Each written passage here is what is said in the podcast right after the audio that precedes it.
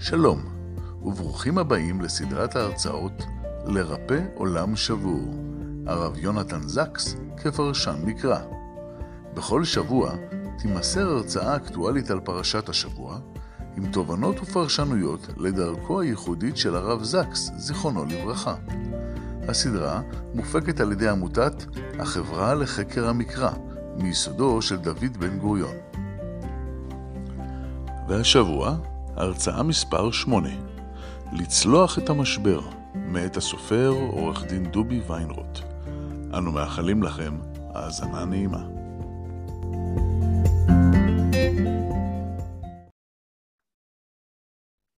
שלום, ערב טוב. שוב, ברוכים הבאים אה, לקהל החשוב. לכולנו היום יש לנו אה, אורח אה, חשוב מאוד מאוד מאוד, ועורך דין דובי ויינרוט. אפשר מצד אחד לומר שהוא הבן של ובעלה של, ואני גם חושב שאפשר גם לומר לכיוון השני, דובי, על אותו משקל.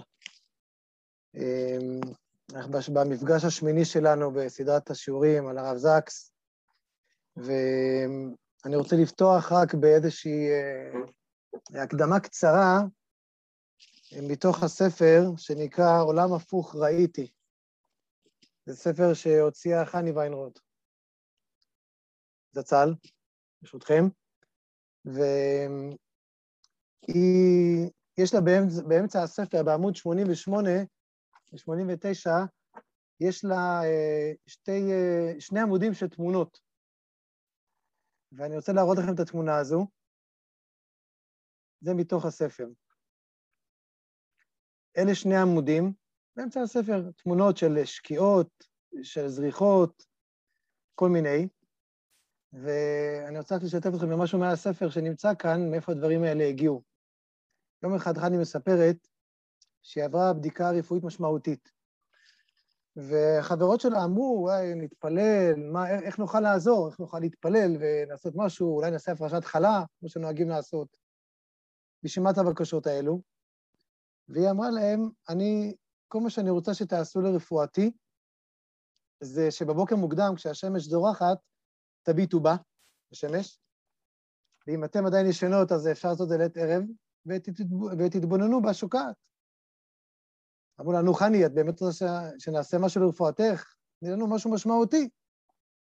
ואז היא אומרת, בסדר, אתם יודעים מה, אתם צודקים, צריך לתת לכם משהו משמעותי, ניתן לכם משמעותי לעשות, ואז היא אומרת, אני מבקשת שכשאתן יוצאות החוצה לראות את הזריחה או את השקיעה, קחו כוס קפה טוב ותברכו שהכל נהיה בדברו. ומה שבדיעבד אפשר גם לעשות ידי חובה במרפסת. היא אמרה שזה היה מאוד מאוד קשה במחשבה לתפוס את זה ברגעים הראשונים, אבל אז היא... החברות שלה אמרו שזה באמת היה מאוד משמעותי, וזה עבר הלאה, ואז דבר שהתחיל להתגלגל הלאה והלאה, ובאמת זה נמצא, זה הגיע למצב שגם, היא כתבה את זה פה בפייסבוק, שהיא שיתפה אז בזמנו. מחר בדיקה די קריטית, זה לא שאכפת לי ממנה, הבדיקה גם ככה תשקף מציאות שקיימת, אז כל ההבדל זה שעכשיו אני לא יודעת, ואחרי הבדיקה אני אדע, המציאות קיימת, וכאן היא מבקשת בעצם את הסיפור הזה שהכל נהיה בדברו. וזה דבר שעבר והתגלגל הלאה והלאה, ועד שהיא התחילה לקבל תגובות, גם כן מכל מיני מקומות בעולם, וזה בדיוק התמונה הזו. כמו שאתם רואים, יש זריחה בדרך לבאר שבע, יש כאן מצפה רמון, יש כאן באנדברפן, שקיעה בבלגיה, והרבה אנשים בעצם ראו את היופי של הבריאה ואת ההודיה לקדוש ברוך הוא, אפילו על מה שנהפך מכוס קפה להודיה לקדוש ברוך הוא. ואני פשוט משתתף בזה, מכיוון שבאופן אישי הספר הזה בי נגע במשפחה אצלנו, והעברתי את זה הלאה לתלמידים ולהורים, כי יש בזה דברים מאוד משמעותיים. ואם לחבר, לחבר את זה כאן למה שאנחנו עושים פה מדי שבוע לרב אה, זקס, אז אני חושב בכלל כל הסיפור, דובי, שלך, שלכם, יש פה בעצם, זה, הספרים שלכם מלאים בזה. גם הספר החדש, לא החדש כל כך, שלך, השמש תזרח מחר, אמ, היא, היא משקפת אה, דברים שהרב זקס אמר לא פעם אחת. אני רוצה לשתף את הדברים האלה כאן שהרב זקס אומר, אז אני אקרין את זה ברשותכם. שוב, זה באנגלית, אבל אה, זה קטע קצר, שהוא מדבר שם על, ה... על עצם ההודיה, על עצם הקיום שלנו. על עצם הקיום. והדברים האלה מופיעים הרבה מאוד בספרים, גם של חני, ו- וגם בכלל בכל אה, סיפור החיים. אז בואו נשתף, נשמע את הדברים רגע. סליחה. בבקשה. It's hard to stay depressed when you remember daily that life is a gift, which is why every morning I say with real feeling those words, Modeh ani lefanecha. I thank you, living and everlasting King, for giving me back my soul in mercy. His. Thank you, God, for giving me back my life. Think about it. The very first words Jews say every day is modeh. Even before we think, we thank. That's the first rule of prayer. It's about not taking life for granted. It's a meditation on the miracle of being. We are here. We might not have been. Somehow, that makes every day a celebration.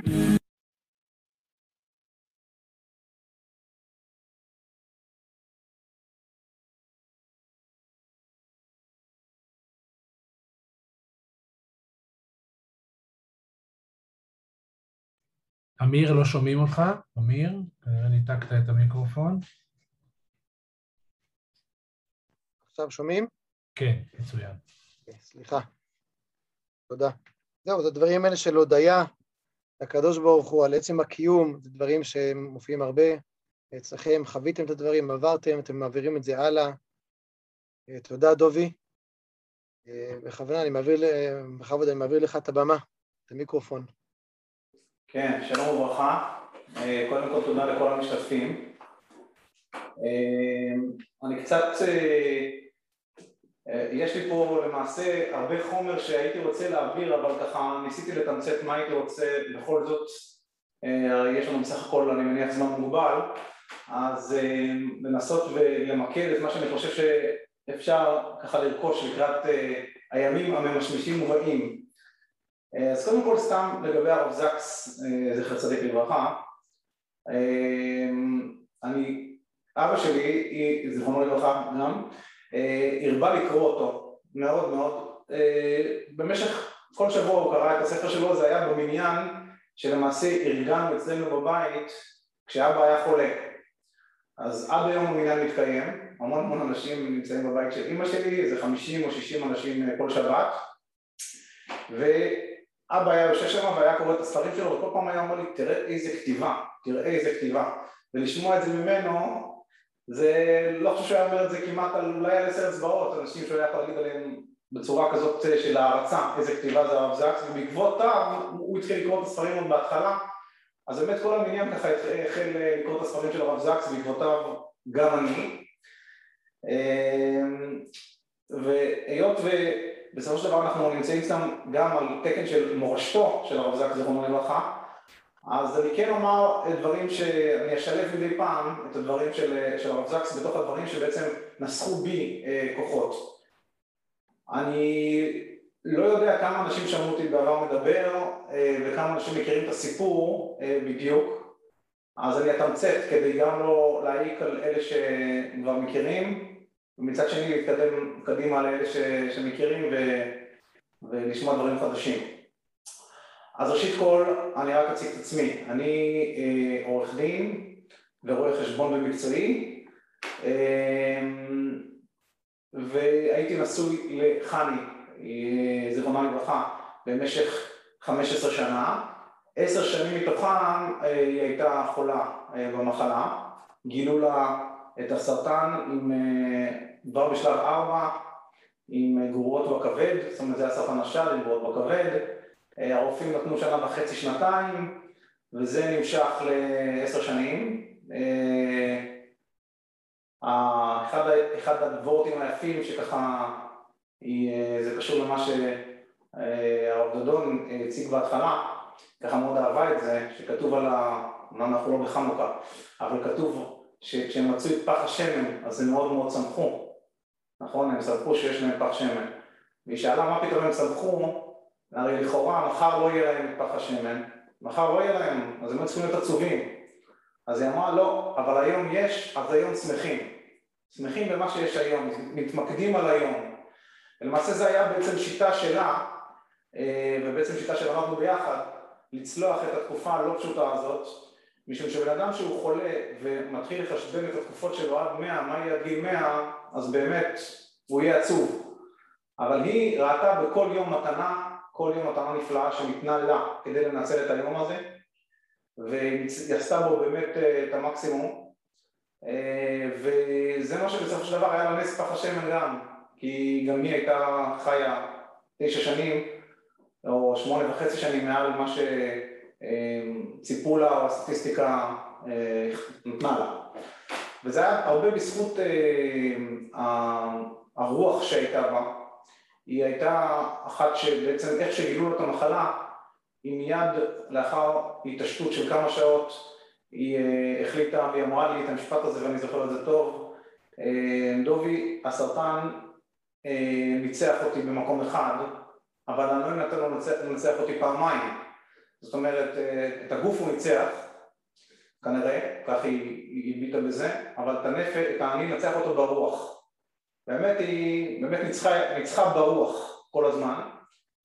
אמ, וזה היה חיים שמהם למדתי וגדלתי לאורם בהמון המון מובנים, באמת אה, השאירה מורשת מאוד מאוד גדולה, זה לא להאמין ש... אה, כפי שתראו בהמשך שאישה בת 34 אה, הגיעה לכאלה תובנות ולעוצמות כאלה של, של מורשת, מורשת כזאת גדולה ולגבי אבא זיכרונו לברכה, אז כמובן הייתי האיש אולי הכי קרוב אליו, אני חושב, הלכתי איתו שלוש וארבע פעמים בשבוע לפארק הלאומי, עשינו סיבובים, ארבעה סיבובים, מי שטייל שם מכיר את, התופעה הזו של אבא הולך בפארק הלאומי, ואני איתו, ואני שאבתי ממנו את כל מה ש...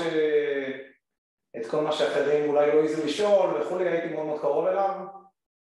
שניהם נפטרו באותה שנה, בשנת, אה, זאת אומרת בהפרש של 11 חודשים, אה, באמת שני מטאורים שאיך אומרים, השאירו אותי אה, לפחות בהתחלה בוודאי עם חלל מאוד מאוד גדול, משום שזה באמת כמו הענק הירוק, אבא שלי ככה אני הרגשתי, הענק הירוק שפתאום בלעה אותו האדמה, מה שנקרא. וחני הייתה עם הכריזמה שלה והעוצמות שלה, וזה גם כן אובדן גדול. כמובן שמשאיר אותי עם, אה, עם, עם הקושי ועם ההתמודדות ועם עם שלושה ילדים אה, מתוקים ונהדרים, אני אספר על זה גם קצת בהמשך.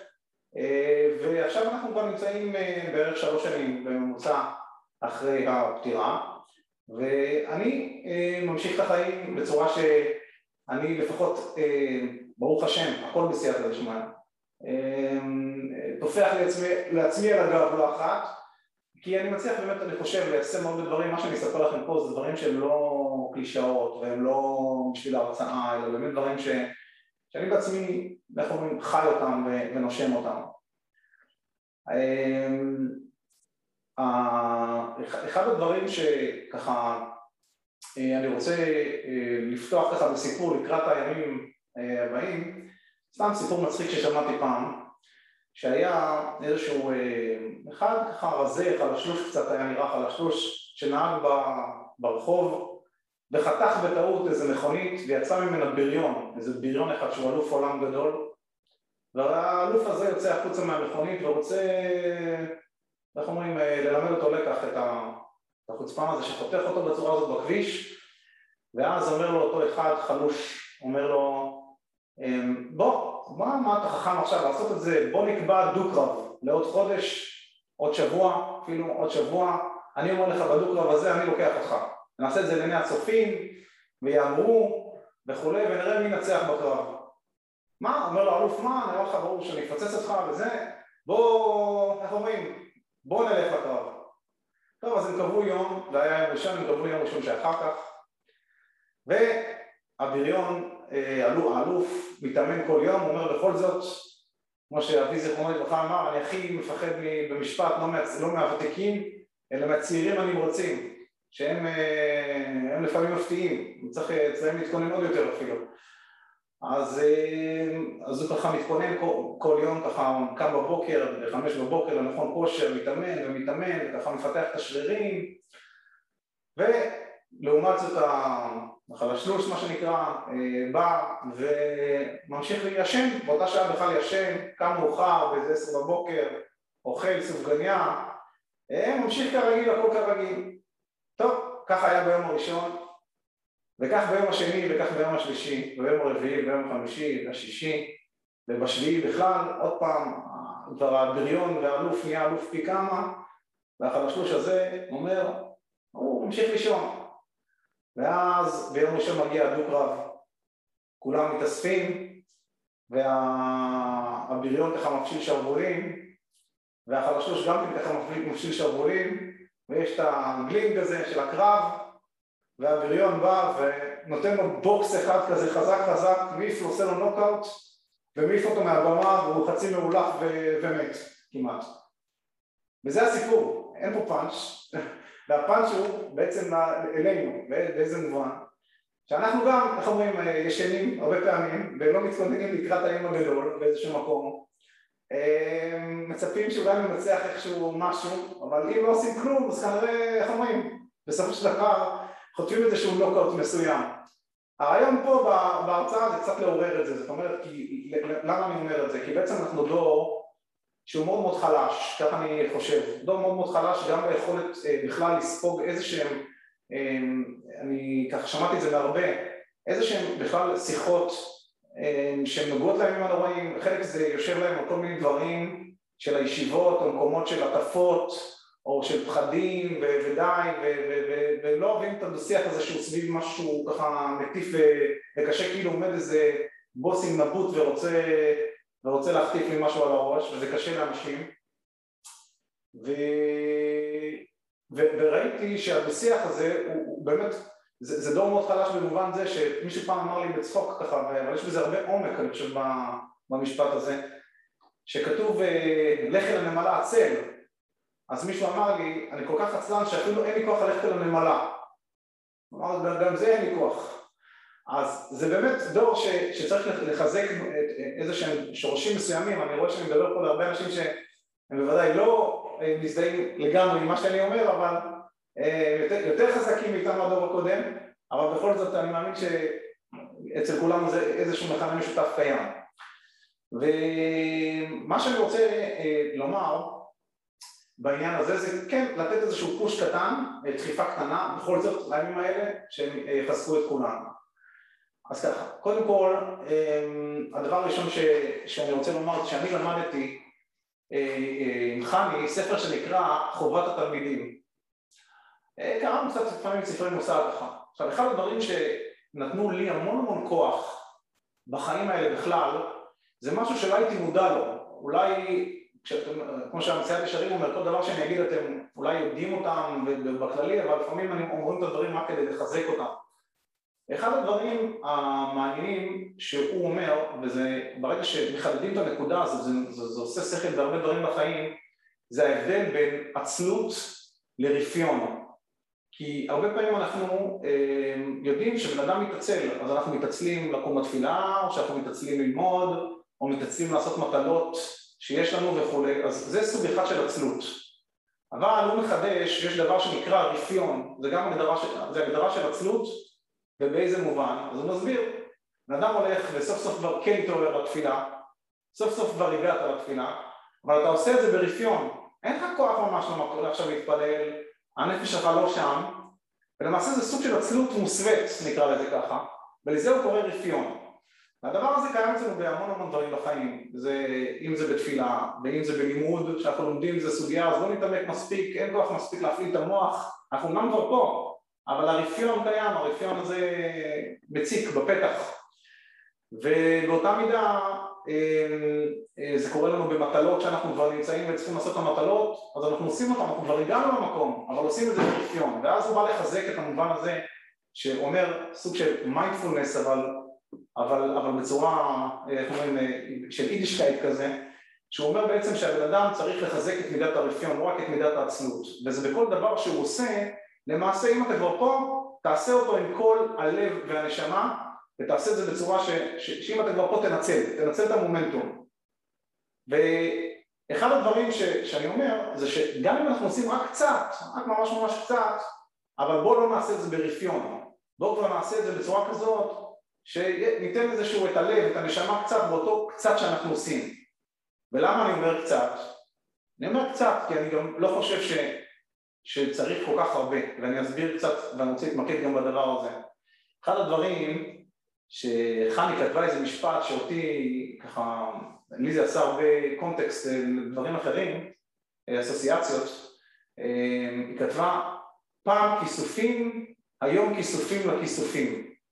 זאת אומרת במילים אחרות, פעם היה לי כיסופים לדברים מסוימים, היום אני כבר אין לי את הכיסופים האלה, אני כבר רחוקה מזה כל כך, אבל יש לי כיסופים לכיסופים, זאת אומרת אני נחשפת לזמנים האלה שהייתי נחשפת, עד כדי ככה אני רחוקה אבל אני עדיין נחשפת לזמנים האלה שהייתי נחשפ, נחשפת. ומה אני, וזה מזכיר לי המון דברים, זה מזכיר לי אה, אה, למשל את הזמנים שבהם התגעגעתי לתפילות בישיבה או במקומות האלה. ואז כבר אני רחוק מזה וכבר אני לא מתגעגע לתפילות בישיבה. אבל אני כן מתגעגע לאותם ימים שהייתי מתגעגע לתפילות בישיבה כבר אה, כיסופים לכיסופים או לחילופין, וכבר אנחנו נמצאים פה, כבר אמרתי, אה, פטירה של אנשים, אנשים שאיבדו דברים יקרים, אז בהתחלה זוכרים את הנפטר מאוד מאוד, אבל יש ברכה, ואין מה לומר זו ברכה, שמצווה על המת שישכח מן הלב, לא במובן של לשכוח של לא היה לנו נברא, אבל במובן החיובי של הדברים, שזה לא יהיה בצורה כזאת שאתה לא יכול להמשיך בדרכך. ולמעשה גם בזה יש שלבים, כי בהתחלה אתה נחשף לאותו אדם שאיבדת, ולאט לאט זה נשכח ואתה כבר, זה גם קושי ואבלות שזה יש לך כבר כיסופים לכיסופים, אתה אפילו לא יודע למה כבר, אבל יש לך איזשהו געגוע לאיזשהו משהו שאתה כבר איבדת, ואתה, אבל עדיין אתה נחשף למשהו שנחשפת. ולמה זה קשור לכאן? כי בעצם אני אומר שלגבי הימים החגים שבאים וקרבים, אני אומר לאנשים שקשה להם רק דבר אחד, ואני אומר את זה גם לעצמי, קשה לך זה בסדר, אז היה רב גדול שאמר, קשה לך, אם אתה לא יכול לעשות, אז תרצה לעשות, ואם אתה לא יכול לרצות, אז תרצה לרצות, ואם אתה לא יכול לרצות לרצות, אז תרצה לרצות לרצות. זאת אומרת, תשאיר לפחות את הדבר הזה שבו יש לך איזשהו אה, אה, גחלים או משהו כזה בוער עדיין שרוצה לרצות. ולכן אני אומר, הימים האלה הם ימים שבו לפחות הדבר שמצופה, אני חושב, מכל אחד מאיתנו זה לרצות בסך הכל.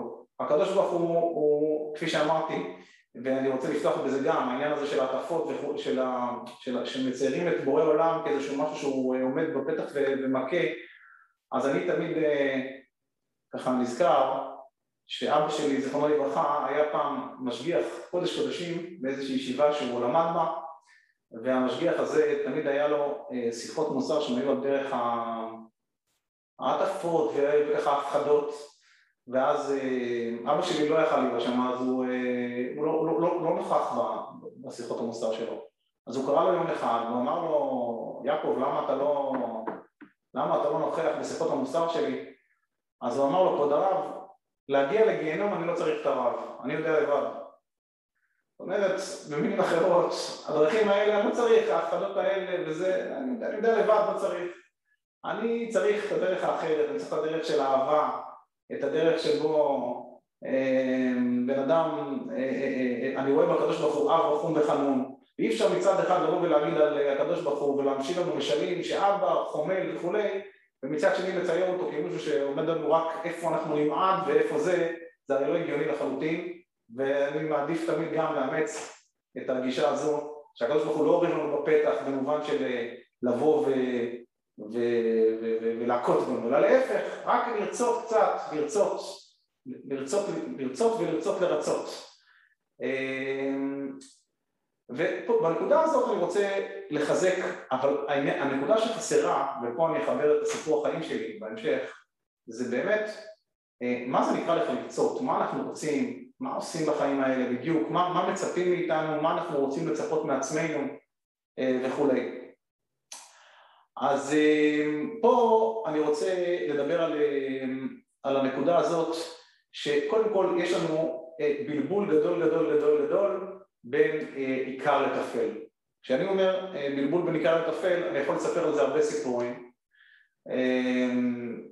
אולי חלקכם מכירים סיפור מסוים, אבל ככה אבהיר את זה קצת ואמרנו דבר אחד מתורתו של הרב זקס בעניין הזה שידוע על אחד עשיר גדול שעני מסוים שהיו כל הזמן אחר כך הסעודות גדולות והגיע איזשהו עני מסוים ורצה לאכול משהו מהסעודה שלו, היה נורא רעב.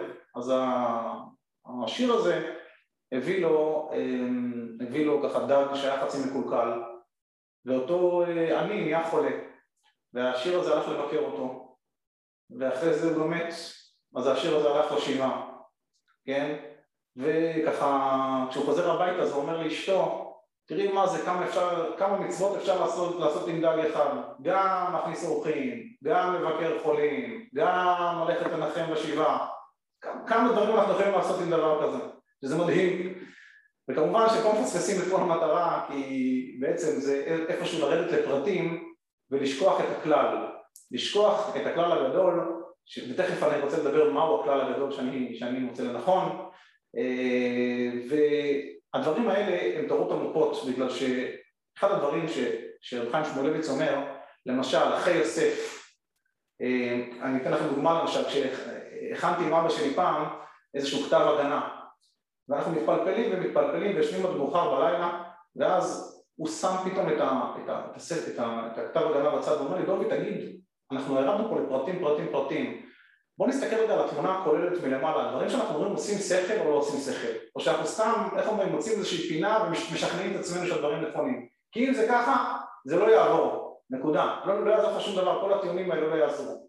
אבל אם בגדול, בזום אפ, יש לנו טענה טובה, נצליח גם בדבר עצמו הוא הביא לי ככה ראייה וטיבל את זה, ככה גלש לדברי תורה ואמר לי שאחרי יוסף, כשהם מכרו את יוסף אז היה להם הרבה תירוצים למה הם מכרו אותו. כי הוא דין רודף ודין כזה ודין כזה. ואז בהמשך כשמתגלגלים עם הדברים אז הם פתאום כשיוסף מעמיד אותם, כשהם לא יודעים עדיין שזה יוסף אז הם אומרים הקדוש ברוך הוא הביא לנו את הדבר הזה על אשר חטאנו. למה חטאנו? הם אומרים משום אני לא זוכר בדיוק את הפסוק אם מישהו קורא שזה בעל קורא אז זה יכול ככה לעזור אבל אני רואה שכתוב פה על מיוט אז זה לא ילך. אבל בגדול הם אומרים על דבר אשר שמענו את, צעקת אחינו ולא שמענו. כלומר שאח שלנו בעצם צעק ולא, שמענו לכן הקדוש ברוך הוא מביא לנו את הרעה הזו. ומה, אני בא, ומה בעצם כתוב כאן? כתוב כאן דבר גדול אומר חיים שמואלביץ שלא יכול להיות שאם אח שלך צועק בבור ואתה לא שומע אותו אז לא יכול להיות שאתה עושה את הדבר הנכון. גם עם כל התצדקי בעולם, כל הדברים בעולם נראים לך בפרטים שאתה עושה את הדבר הנכון אבל אם בדבר הגדול ביותר שזה צעקת אחיך אתה לא שומע את זה אז אתה מפספס את העיקר. ולכן בעצם זה היה לימוד גדול שאנחנו לפעמים נכנסים לפרטים ומחזיקים את עצמנו בפרטים אבל לא רואים, לא רואים את הדבר הגדול ועכשיו אני רוצה לדבר קצת על מה זה הדבר הגדול הזה בעצם שאני חושב. כי בעצם אנחנו נמצאים במצב שכולנו מוסכים המון המון המון מוסכים לצערי בדור הזה ואני ככה מלמד גם את הילדים שלי בדבר הזה ולא מזמן הייתי בהרצאה של מנהל התיכון של, של הבת שלי בלוסיג שהוא כינס את כל ההורים להרצאה וזה הורים, אספר לכם, זה דבר מדהים, הוא, הוא, כינס את כולם ואמר שעד ראש השנה כל הבנות יכולות להיות עם, עם, סמארטפונים כמו שהיה עד אותה הרצאה ומראש השנה ואילך עם ילדה שתתאפס עם סמארטפון תעוף מהבית ספר. נשמע באמת מאוד קשה, זו גזירה קשה ונשמע אולי קיצוני. אני סבור וגם כל ההורים שזה מדהים כי כל ההורים שם היו מאוד מאוד מודרניים זה לא איזה חבורה סגורה והם בעצם הוא בעצם נקרא לזה מושיט יד למה שכל הורה היה רוצה לעשות כלפי הבן שלו אבל לא מסוגל בעצם כי אנחנו דור שמאוד קשה לנו לשחרר את, הדבר, את, ה, את האייפון, תכף נדבר קצת על זה כי בהקשר לדבר הכולל שאני רוצה לדבר, למה נכנסתי לזה אבל בעצם קשה מאוד לשחרר את זה, והוא בעצם החליט שהוא עושה את זה באבחה אחת, מאוד מאוד קשה, הוא מודע לקושי הגדול, הוא מוכן גם להישאר עם שתי תלמידות בכיתה, ובלבד שהדבר הזה יצא לפועל. ההורים אמרו שכל הורה אמר בשיחה שהוא דיבר עליה, שהוא ודאי צודק בכל דבר, ואם הוא יצליח, איך אומרים, אנחנו נשתחווה לו, אבל בואו נראה אותו מצליח. אמ, כי זה גם סוג של, מלבד הדברים הטובים שיש גם, אבל זה גם סוג של התמכרות, ומאוד קשה לגמול אה, ילדים, וגם אותם ההורים, זאת אומרת, ההרצאה שלו הייתה מופנית בעצם כלפי התלמידות, אבל זה בעצם גם הקרין עלינו ההורים, ולמה אני אומר את זה? כי, כי בעצם אחת הבעיות הקשות, ואני לא מדבר על, ה, על הדברים שיש בטלפון כדברים שהם טובים או לא טובים מבחינת צניעות או לא צניעות או כל הדברים האלה שגולשים אליהם, אלא דבר אחד פשוט זה הסחת הדעת. הסחת הדעת אה, שכל רגע אה, אנחנו בעצם אה, מרגישים שאם לא היינו עשר דקות בטלפון אז פספסנו משהו שקורה בעולם ואנחנו לא מרוכזים במשימה שעומדת לפנינו וזה אחד הדברים למעשה, ככה אני תופס את זה, אחד הדברים הבעייתיים של מה שקורה בדור הזה שעל תעשייה שמשקיעים לה ביליוני דולרים, לא ביליוני, טריליוני דולרים, כדי להשאיר אותנו כל הזמן בעצם מחוברים למשהו שאם אנחנו לא נהיה שם אז אנחנו מרגישים שפספסנו. אני לא יודע אם כמה מודעים פה אבל למשל בטח מודעים למס, יש דברים שנקראים היסטורי שזה דברים שאנשים מעלים אותם ו-24 שעות אה, יש לך לראות את זה ואחרי 24 שעות זה נמחק. הפסיכולוגיה מאחור כל כך עמוקה היא בעצם באה לומר לבן אדם אסור לך לשחרר את הטלפון כי אם אתה תשחרר אתה תפספס את כל מה שאנשים העלו ב-24 שעות האחרונות. וזה יהיה קטסטרופה כי אתה לא תדע מה קורה. וזה בעצם דרך עוד פעם למשוך אותך פנימה.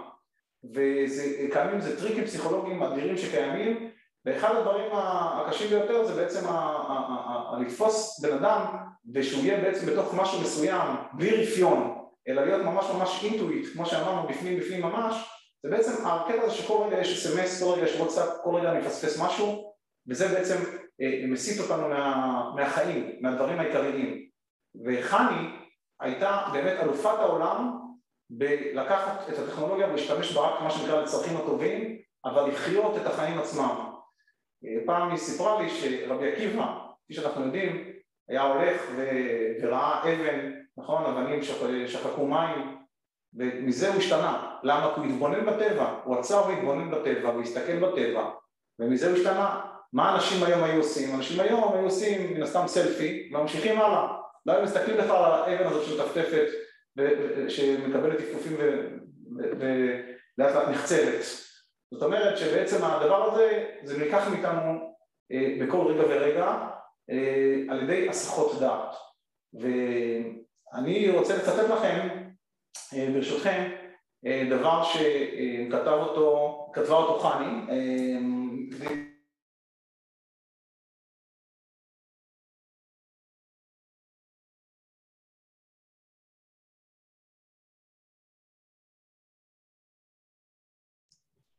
דובי, אתה במיוט בטעות? פתח את המיקרופון. הופה, עכשיו כן. תתחיל לצטט מההתחלה. כן, אני אומר שחני כתבה לגבי, היא כתבה ככה, חוזרת בתשובה, חני ויינרוט. אני רוצה לחזור בתשובה לפני ראש השנה על כל הזמנים שהתבזבזו לי בגלל פחדים, על כל החשבונות שעשיתי שהם של אלוקים, על כל ההווה הגדול שהיה לי והפסדתי, על קצת מדי שפעלתי בעולם בשם המחלה ובכלל, על כל הברקסים שנתתי, על כל הפרויקטים שזנחתי, על כל הכוח שבזבזתי בניסיון שווא לשלוט במצב, על, על שהתייסרתי בגלל מה שאינו תלוי בי. ומקווה בשנה הבאה עלינו לטובה להתנהל יותר באמונה, להתקיים בעולם בעשייה מבורכת תוך ניצול מחושב של הכוחות האמיתיים שלי ויש לי בקשה מהריבונו של עולם שלא ייגמרו לי הדמעות לעולם, בבקשה, שנה טובה ומתוקה, רוב אהבה וחיים. טוב, אז זה ככה, הדבר שאני אה, מצאתי ככה לנכון לצטט את זה, זה בעצם הדבר הגדול שאנחנו צריכים להתמקד בו זה פשוט לחיות את ההווה שבו אנחנו חיים, זאת אומרת למעשה ליהנות מהדברים הקיימים.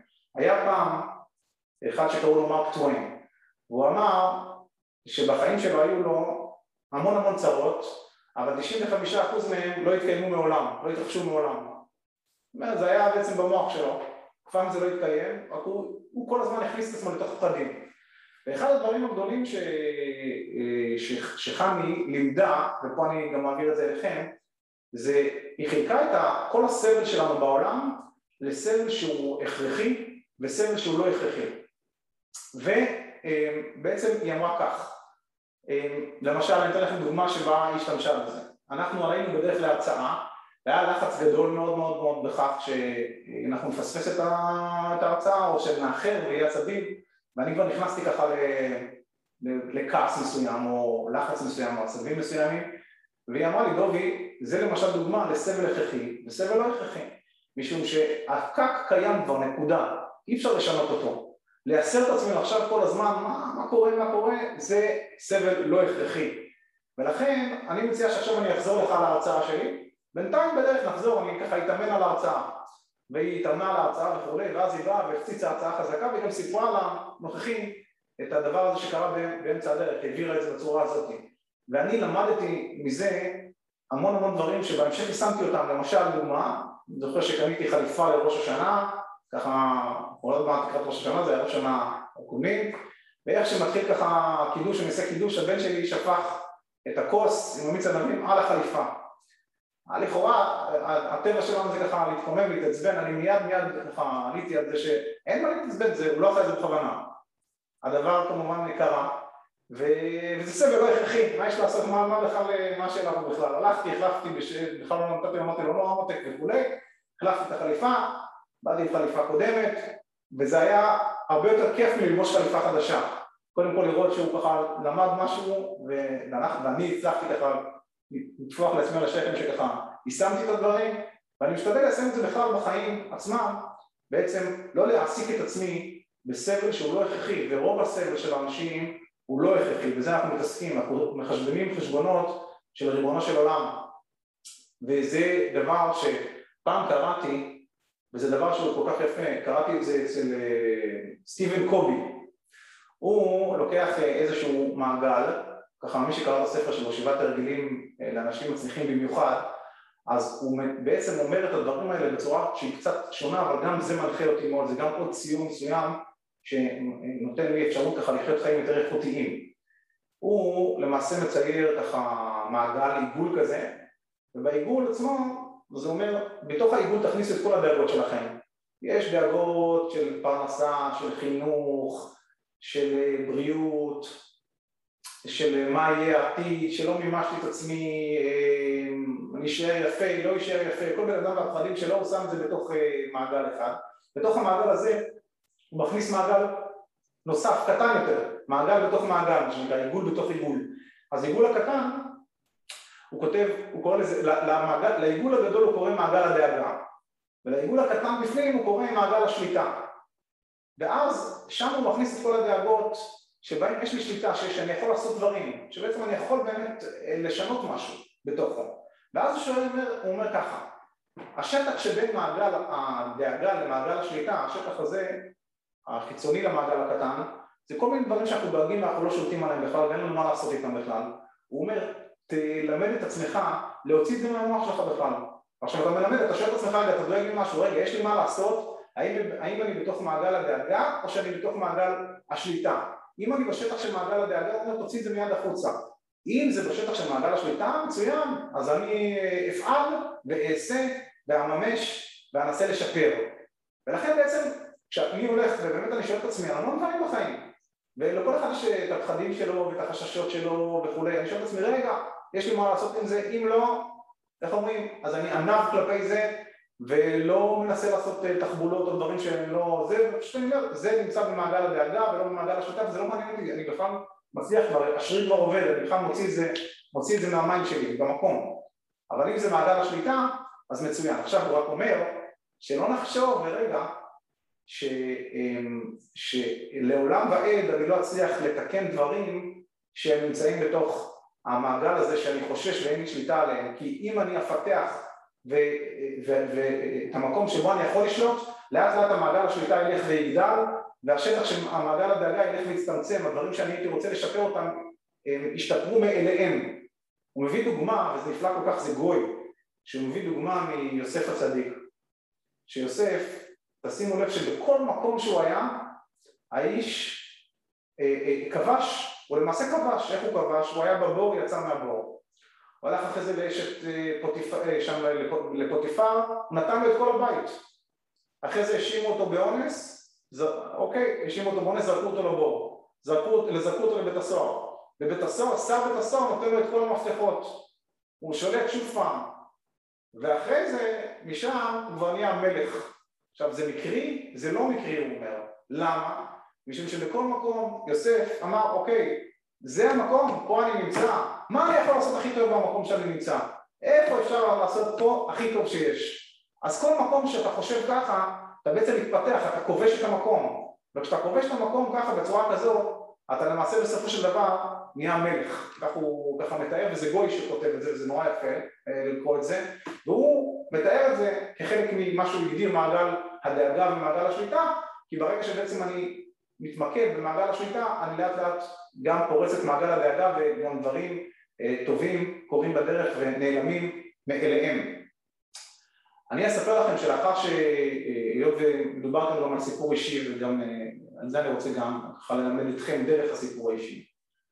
אז אני אספר לכם שאחרי הפטירה אה, למעשה נשארתי כמובן עם שלושה ילדים והדבר הראשון שכמובן כל בן אדם דואג לו זה לפני עצמו, הוא דואג אפילו לילדים שלו, לפני שדאגתי לעצמי דאגתי לילדים, מה יהיה עם הילדים, מה יהיה עם הילדים.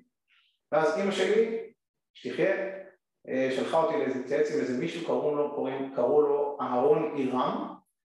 היא שלחה אותי אליו להתייעץ ואז היא אמרה לי, היא, אני נכנסתי, הלכתי לחוף חזון איש בבני ברק, פתח לי אברך אמ, היה נראה ממש בלבוש לא קצת עני כזה אמ, אמ, וככה עם כל הלבוש של אברך ופאק כזה ארוך היה נראה לי מה, מה, מה הוא יבין אותי בכלל, מה יש לי לעשות פה בכלל ככה חשבתי, אבל טוב, כבר שלחו אותי, איך אומרים, לא נהיה ברפיון בוא ננצל את מה שאני נמצא בו ונראה מה יש, לו, מה יש לי ללמוד ממנו, למדתי שהוא גדול בענווה כי הוא לימד, מסתבר שהוא חכם הרבה ממני ולימד אותי המון המון. ואז ככה הוא אמר לי דובי בוא תגיד לי מה, מה הבעיה שלך, בוא תספר אמרתי לו, מה זאת אומרת מה הבעיה שלי? בוא, אני, אתה יודע, איבדתי את אישה, נשארתי עם ילדים, נו, נו, נו, ומה הבעיה? אז אמרתי לו, אה, תשמע, עוד מעט שבת, אה, נכון, יום שני זה היה, אה, חמישי, שישי, שבת, איך אני מנהל את זה לבד? אני מדליק נרות פתאום, לא לידי, הילדים בלי הורים, מה זה, מה זה, מה, למה אתה דוגל? טוב, הוא שומע, שומע, הוא אומר לי, תגיד, ולמה היית, מה היית מצפה, מה היית רוצה? אמרתי לו, מה הייתי רוצה? הייתי רוצה שהילדים שלי יהיו מאושרים, שהם יהיו טובים, שהם יהיו שמחים, שהשבתות יעברו בסדר, שיהיה טוב. אז הוא אומר לי, טוב, אז תצפה לזה. אמרתי לו, מה, מה זאת אומרת תצפה לזה? מה? הוא אומר לי, כן. הוא אומר לי, אני אומר לך דבר אחד, אתה כל הזמן חושב הולך, איך הולך להיות רע ביום חמישי של שבת, ואני אומר לך, תתחיל לחשוב שיהיה טוב ביום חמישי של שבת. אתה רוצה שהילדים יהיו מאושרים? תאמין שהילדים יהיו מאושרים, הם יהיו מאושרים, אני מבטיח לך, אם ככה אתה תאמין, ככה יקרה. אני אה, מעיר, אה, די מעיר, כשאני רואה, שומע משהו שאני אומר, אני מעיר תפיסה לגביו, ואני אומר לו, אוקיי, וואו, אני שומע פה משהו, תכף אני ככה ארחיב בזה, ואז אני אומר לו, אולי אה, כבוד הרב יביא לי איזה דוגמה, תמיד אני אוהב ככה דוגמה מה, מה, מהתורה שלנו לתורה הזאת, החדשה הזאת, אז הוא אומר לי, כן, בוא אני אספר לך סיפור, יש מדרש, מדרש יפה, של אברהם אבינו, כתוב על אברהם אבינו שבמדרש, שכשהוא רצה לחזור, היה איזה שהוא החזיר אנשים הרי בתשובה, קירב אותם לבורא עולם. אז מסופר במדרש שכשבא אליו אחד אה, ואמר לו, אמ, והוא רצה להחזיר אותו בתשובה, אז הוא דיבר אליו שלוש שעות, ככה דיבר, דיבר, דיבר, דיבר, ואז אברהם אבינו אומר לו, נו, בוא תברך את מי שאמר והיה עולם, כי אברהם אבינו הסביר לו מי ברק השמש, את הירח, את הכוכבים וכולי, ככה כמו שאברהם אבינו ידע, ואז אותו אחד הוציא את הפסל מהחליפה ונשק את הפסל והשתחווה לפסל. הוא אמר לו לא, לא, לא, לא, לא, לא, לא. ישב איתו עוד שלוש שעות, ועוד פעם הסביר לו אה, הדבר, אמר לו, שמש, ירח, כוכבים וכולי, וטוב, בקיצור, עוד פעם הוא אומר לו, תברך את מי שאמר והיה העולם, והוא מוציא את הפסל ומנשק את הפסל. אברהם אבינו מתייאש, שילח אותו בדרכו, וזהו. טוב, בורא עולם אה, נגלה לאברהם אבינו, ואמר לו, תגיד לי, אני מחכה לבן אדם הזה כל החיים, שיחזור בתשובה, משהו שיהיה לו איזשהו ניצוץ, ואתה אחרי שש שעות מתייאש ממנו, שש שעות אתה כבר שילחת אותו? ואז אברהם אבינו רץ רץ רץ חזרה למצוא אותו, מצא אותו, קרא לו חזרה, אמר לו בוא תישן אצלי, אני אתן לך ארוחה טובה, לא טוב שתלך בלילה, למחרת קמו בבוקר, קם בבוקר, שלוש שעות נוספות, הוא ככה נותן לו ככה איזה ספיץ' כזה כמו שצריך, והוא אומר לו תברך את מי שאמר והיה עולם, הוא לוקח את הפסל וזורק את הפסל, ו... וככה מודה לבורא עולם וכולי, ופה המדרש מסתיים ומצוטט בספר ברכת יוסף על ידי, ש, ש, שפה, ואת זה הוא אמר לי, זה דבר נפלא, בשם הרב עובדיה יוסף זכר צדיק לברכה. הוא אמר, תגידו, מה אתם חושבים השתנה? האם העוד שלוש שעות האלה זה מה שהשתנה? לא. לא השלוש שלוש האלה הם מה ששינו את הבן אדם של אברהם אבינו בסופו של דבר שצריך לשכנע אותו, אלא האמונה הפנימית של אברהם אבינו ביכולת שלו להפוך את הבן אדם הזה ולשנות אותו. ברגע שבורא עולם נתן לו את הזץ הזה, את המוסר הזה, אז גם הדברים הועברו מלב אל לב, וזה שינה אותו. באותה מידה, וזה מה ששינה אותו בסופו של דבר. ובאותה מידה הוא אמר לי, אתה תשמע מהרבה אלמנים ואלמנות, שזה חיים קטסטרופה, וילדים וכולי וכולי, ואני אומר לך, אתה תאמין אחרת, תאמין אחרת ותאמין בילדים שלך ואתה יכול אה, מדי פעם לבכות ולהתאבל, זה בסדר, אוי ואבוי מי שלא מתאבל, זה לא שאני אומר לך אל תתאבל, כי כל מי שלא יודע להתאבל גם לא יודע, אה, אה, לא יודע לצאת מהאבל, ודאי אתה יכול להתאבל, אבל גם כשאתה אפילו תבכה מצידי מול הילדים שלך, אתה תאמין בהם שהם יגדלו להיות ילדים מאושרים ושמחים והם יהיו הכי טובים שיש. וזה עשה לי ככה הרבה זץ ככה טוב, מה שנקרא, נתן לי בוסט מאוד חזק. באמת אני מאז זה עשה לי שינוי בחיים, בעצם להאמין, להאמין בילדים שלי, כמו שקרליבך אומר, כל אה, ילד צריך מבוגר אחד שיאמין בו, אז אני מאוד מאוד האמנתי בילדים שלי ומאמין בהם עד היום, עד כדי כך שבאמת ילדים שברוך השם ברוך השם, אה, כשרואים את הילדים שלי לא מאמינים שהם עברו את מה שהם עברו ואת היתמות והתקשר אליי מורה של בית ספר, גם של פעם אחת של הבת שלי וגם פעם אחת של הבן שלי, לשאול אותי אם זה בסדר, שהבן שלי כל כך בסדר, כי זה דברים נורמלי שכל כך בסדר. אז, אה, אז התקשרתי גם לשאול, אמרתי את זה לאותו רב, אז אמר לי לא, זה, זה בסדר מאוד, פשוט הוא לא מבין את זה, את הנקודה הזאת שאתה באמת, שאתה כל כך מתמקד בטוב ומאמין בו, שזה מה שיוצר אצלו בסופו של דבר את, החיות ואת הטוב ואת, ואת הדברים הטובים. וכאן אני מדבר אלינו, שקודם כל העניין הזה של להתמקד בטוב, אז יש משפט של חב"ד כידוע, תחשוב טוב יהיה טוב. עכשיו פעם שמעתי ככה עומק חסידי על זה, זה לא סתם תחשוב טוב יהיה טוב, אלא אם תחשוב טוב, אז בוודאי שגם יהיה טוב. אחד הפסוקים היפים ששמעתי מאמא שלי זה וורט, אני לא זוכר בשם מי, שכתוב, וזה דבר שגם כן, זה לימוד בחיים, כתוב נפתלי שבע רצון, הוא מלא ברכת השם. עכשיו לכאורה היה צריך להיות הפוך, היינו צריכים לומר נפתלי מלא ברכת השם הוא שבע רצון, כן? אז התשובה היא שנורא פשוט, זה לא עובד ככה, זה עובד הפוך, בדיוק ככה זה עובד. אתה קודם כל תהיה שבע רצון ואז תהיה מלא ברכת השם, ולא הפוך. וזה, הדבר, וזה, וזה המפתח בעצם, זה המפתח גם, אני חושב, לקראת הימים האלה שאנחנו הולכים אליהם, זה להיות שבע רצון, כי אני חושב שבסופו של דבר זה מה שהקדוש ברוך הוא מצפה מאיתנו תחת אשר לא עבדת את השם אלוקיך בשמחה ובטוב לבב, אדם צריך תמיד להיות שמח. אה, אנחנו תמיד אומרים שבחודש אב מרבים בשמחה, בחודש אה, אה, בחודש אדר מרבים בשמחה, בחודש אב ממעטים בשמחה, אבל התדר הוא תמיד שמחה. זאת אומרת, זה רק שאלה של עוצמה, אתה מכוון אותו לפה לפה, אבל שמחה חייבת להיות תמיד. וגם בימים האלה, לכן אני מקדים שבסופו של דבר הקדוש ברוך הוא, אני בטוח, שמאמין בכל אחד ואחד מאיתנו בשינוי, כמו שאני מאמין בילדיי, בוודאי בוודאי פי כמה וכמה הקדוש ברוך הוא מאמין בכל אחד ואחד מאיתנו על היכולת הזאת לבוא ולעשות את השינוי הקטן, את הזיק הקטן שבעצם, שבעצם דרכו אנחנו יכולים לגמרי לגמרי להשתנות ולעשות טוב. אני אה, רוצה בהקשר הזה לומר גם אה, אה, את מה שאני חושב שאני מתחזק בו מאוד וזה דבר שהוא בעצם בסופו של דבר אני חושב שכל העולם וגם כל הקשיים שלנו נעים סביב מידה אחת. וזאת, ואז אני רוצה להתמקד ותראו את הדברים היפים שבזה, זאת מידת הענווה. כי בסופו של דבר כל הקשיים וכל הדברים שקורים לנו זה נובע מהמידה הזאת של מידת הענווה וגם כל המידות טמונות בתוך מידת הענווה. על מידת הענווה כתוב אפילו הרמב"ם עצמו שתמיד אומר שאדם צריך להיות בדרך האמצע אז יש שתי מידות שהוא כותב שאדם לא ילך בהם בדרך האמצע אלא ילך לקצה השני וזה מידת הענווה ומידת הכעס. אדם צריך להשתדל לא לפרוס בכלל ולהיות תמיד בענווה.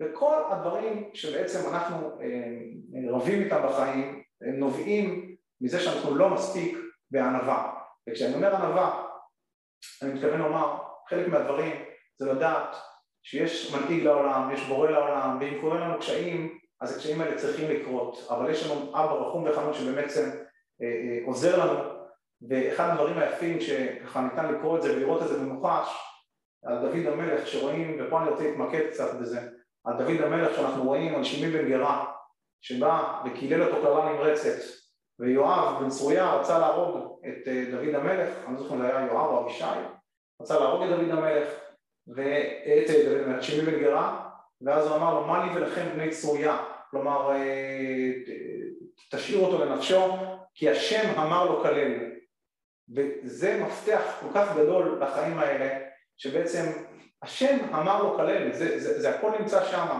בעצם כרגע סיטואציה מסוימת שאדם נמצא בה זה כי השם ככה קבע וזה ענווה לחשוב ככה, לא אני עכשיו צריך לעשות כל מיני תחבולות ודברים, לצאת מזה, השם כרגע מנהיג את זה בצורה הזאת. ובן אדם שמקבל את זה כמו דוד המלך בסופו של דבר גם יוצא מכל הקשיים. אבל בן אדם שנלחם בזה כל הזמן, מנסה להילחם בזה אז הוא למעשה אה, אה, אה, בסופו של דבר זאת אומרת, מביאים אותו לאותה סיטואציה, רק בצורה שהיא יותר גרועה, כדי ללמד אותו את השיעור הזה, אבל אם אתה יודע שהשם אמר לא כולל, אז הדברים האלה אה, משתנים מאוד. עכשיו, אחד, אחד הדברים שפה אני רוצה לחזק, וזה אה, זה המזמור בתהילים שאנחנו קוראים, לדוד השם מורי ואישי. אני מוצא במזמור הזה את הקר שלי לכל החיים כמעט, כי אני באמת מתמקד במילים האלה, ופה אני לא ברפיון כשאני קורא את ה...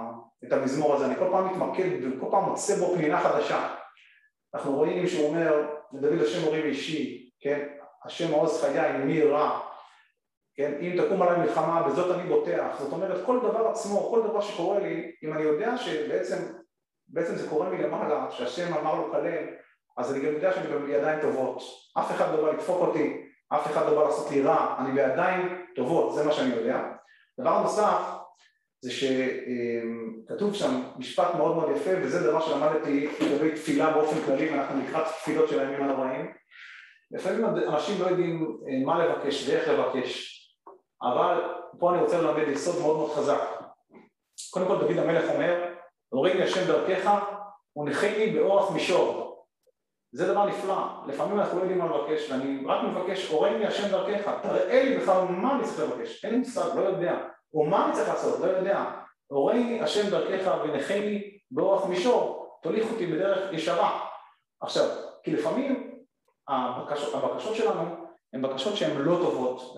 סיפור, סיפור מפורסם, סליחה, לא מפורסם, אבל סיפור מצחיק הייתי אומר, על אחד שהלך לבית משוגעים וככה עלה לקומה ראשונה ומצא אחת שצועקת אה, רוחלה, רוחלה, רוחלה, ככה הוא כל הזמן צעק, ושאלו אותו מה, מה, מה, מה אתה צועק רוחלה, שאלו אותו משוגע, אז הוא אמר אני פעם הייתי מואב באחת שקוראים לה רוחלה ושמאז היא עזבה אותי ואני כל הזמן צועק רוחלה, רוחלה, רוחלה ואחרי זה עלו לקומה שנייה ושם גם יש משוגע אחד שצועק רוחלה, רוחלה, רוחלה, רוחלה ושם גם שואלים את המשוגע תגיד לי למה אתה צועק רוחלה רוחלה רוחלה? אז הוא אמר, אני התחתנתי עם רוחלה. זאת אומרת, במילים אחרות, ההוא לא ידע בכלל ממה הוא ניצל, וההוא התחתן איתה. עכשיו, מה אני בא, מה אני בא לומר בזה? אני בא לומר בזה שהבקשות צריכות להיות, וזה זה, זה לימוד גדול, אני חושב לכולם בתפילה, ואני למדתי את זה, האמת שגם זה אימא שלי לימדה אותי, וזה דבר שעשה לי שינוי מאוד מאוד גדול. כי לפעמים אומרים, מה, הקדוש ברוך הוא, מה אתה רוצה? אני רוצה משהו מסוים, למה שאני לא אבקש את זה? מה, מה הבעיה כשאני בא לי על מישהי מסוימת, או בא לי להיות עשיר גדול, או כל דבר אחר, למה שאני לא אבקש את זה בצורה כזאת, והאם זה טוב לי או לא טוב לי, למה, אתה אבא שלי, תן לי מה שאני רוצה ודמם. אז התשובה היא נכון, אפשר לבקש את זה, אבל לבקש את זה בדרך שהיא, אני חושב שזה שינוי בתפיסה של תפילה. לבקש את זה פשוט בדרך אחרת. זאת אומרת להגיד, רגע, אתה רוצה מישהי למשל, אה, שהיא, למה אתה רוצה אותה? כי זה מקנה לך, למה, תחשוב רגע, תמשיך הלאה, למה אתה רוצה? כי אתה רוצה להרגיש אהבה, אתה רוצה להרגיש נהר, אתה רוצה, אתה רוצה לאהוב, אתה רוצה שיהיה לך אה, מלא בלב, אתה רוצה שיהיה לך מה להעניק, אז תבקש את זה. הוא יכול לתת לך את זה בדרכים פי אלף יותר טובות, אבל תבקש את ההרגשה שאליה אתה רוצה להגיע. הרי אתה לא איזה אלטרואיסט, אתה מבקש את הדברים כי אתה רוצה להרגיש משהו בפנים, בפנים, בפנים עמוק, ותבקש את מה שאתה רוצה להרגיש. כלומר, הקדוש ברוך הוא רוצה להרגיש שיש לי הרבה, שיש לי עשירות בפנים, שאין לי עוני טיפה. אתה יודע, כי חני כתבה הרבה פעמים שיש אנשים ש... טוב, זה, זה משפט ידוע, זה לא כתבה, אבל היא ציטטה את המשפט הזה, שיש אנשים שיש להם, אה, שהם כל כך עניים שכל מה שיש להם זה כסף. זאת אומרת, יש אנשים שיש להם אה, אה, הרבה פיג'מות בארון, אבל, אבל, אבל הם נמצאים בבית חולים, הם לא יכולים, הם לא יכולים ללכת עם הבגדים, הם צריכים ללכת עם משהו אחר. יש אנשים שרוצים, יש להם הרבה אוכל, אבל הם לא יודעים לאכול אותו, לא יכולים לאכול אותו. אז היא אמרה, הקדוש ברוך הוא, אני לא מתחננת שיהיה לי הרבה כסף, אני מתחננת לשבעי מטובך. זאת אומרת שאני רוצה שהנפש שלי תהיה שבעה, שאני אדע באמת ככה שהיא תהיה טובה, כלומר שאני ארגיש את ההרגשה הטובה, את ההרגשה הנכונה, ואגב, אני לא יודע באיזה שעה שיעור בכלל, אני לא, אם הרב יכול להגיד לי, רק אני, אולי אני צריך לסיים, אני כבר לא... יש לנו עוד אה, דקה וחצי, פחות או יותר. בסדר גמור, אוקיי, כן. אז אני, אוקיי, בשמחה, בשמחה, כן. אז אני רק אומר דבר אחד אה, נוסף, ככה, דקה וחצי, שזה למדתי מהרב זקס, ובזה נסיים. דיברתי מקודם על אברהם אבינו, וגם דבר שקראתי ברב זקס, זה עשה לי שינוי מאוד מאוד גדול.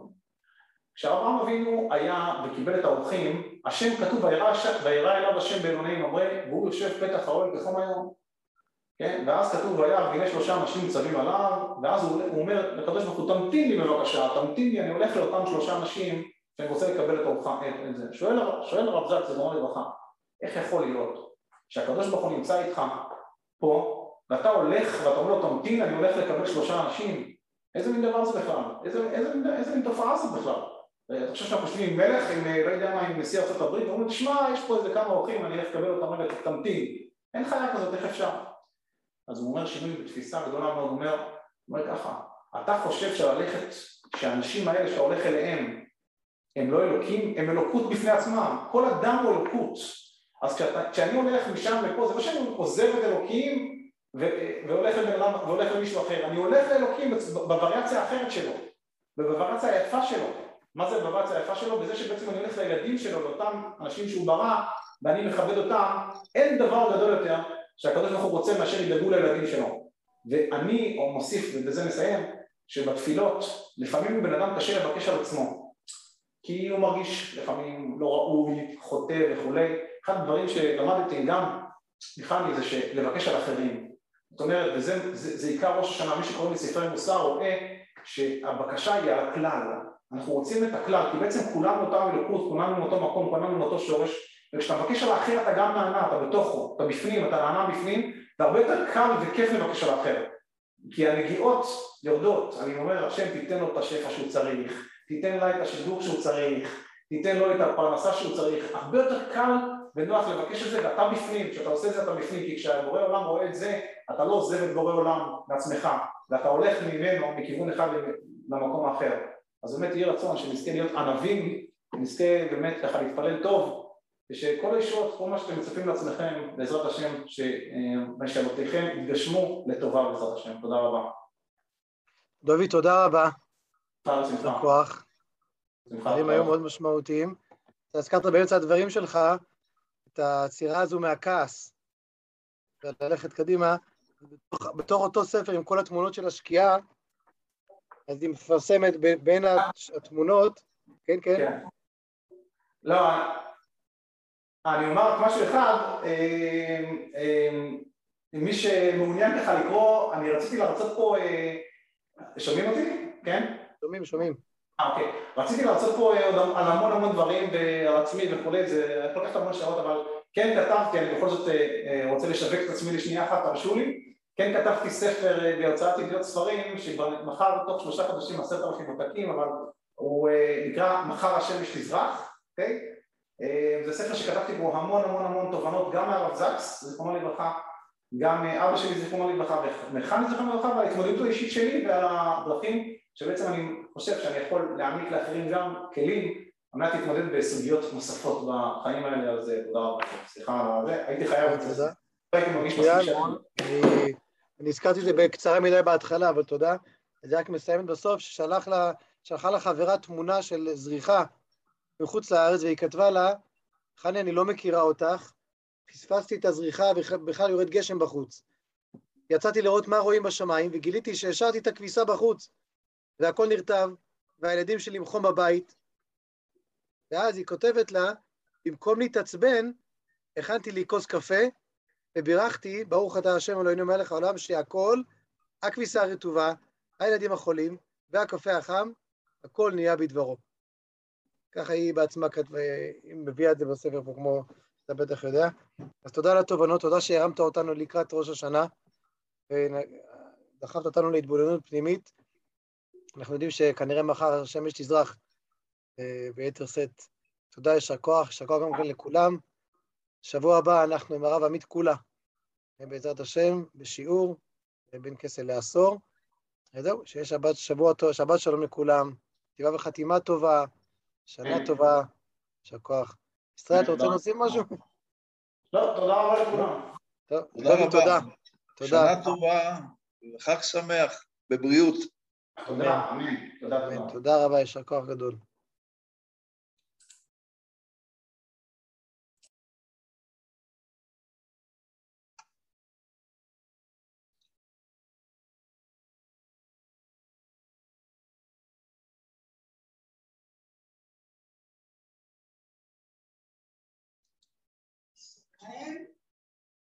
ישראל, סרביה,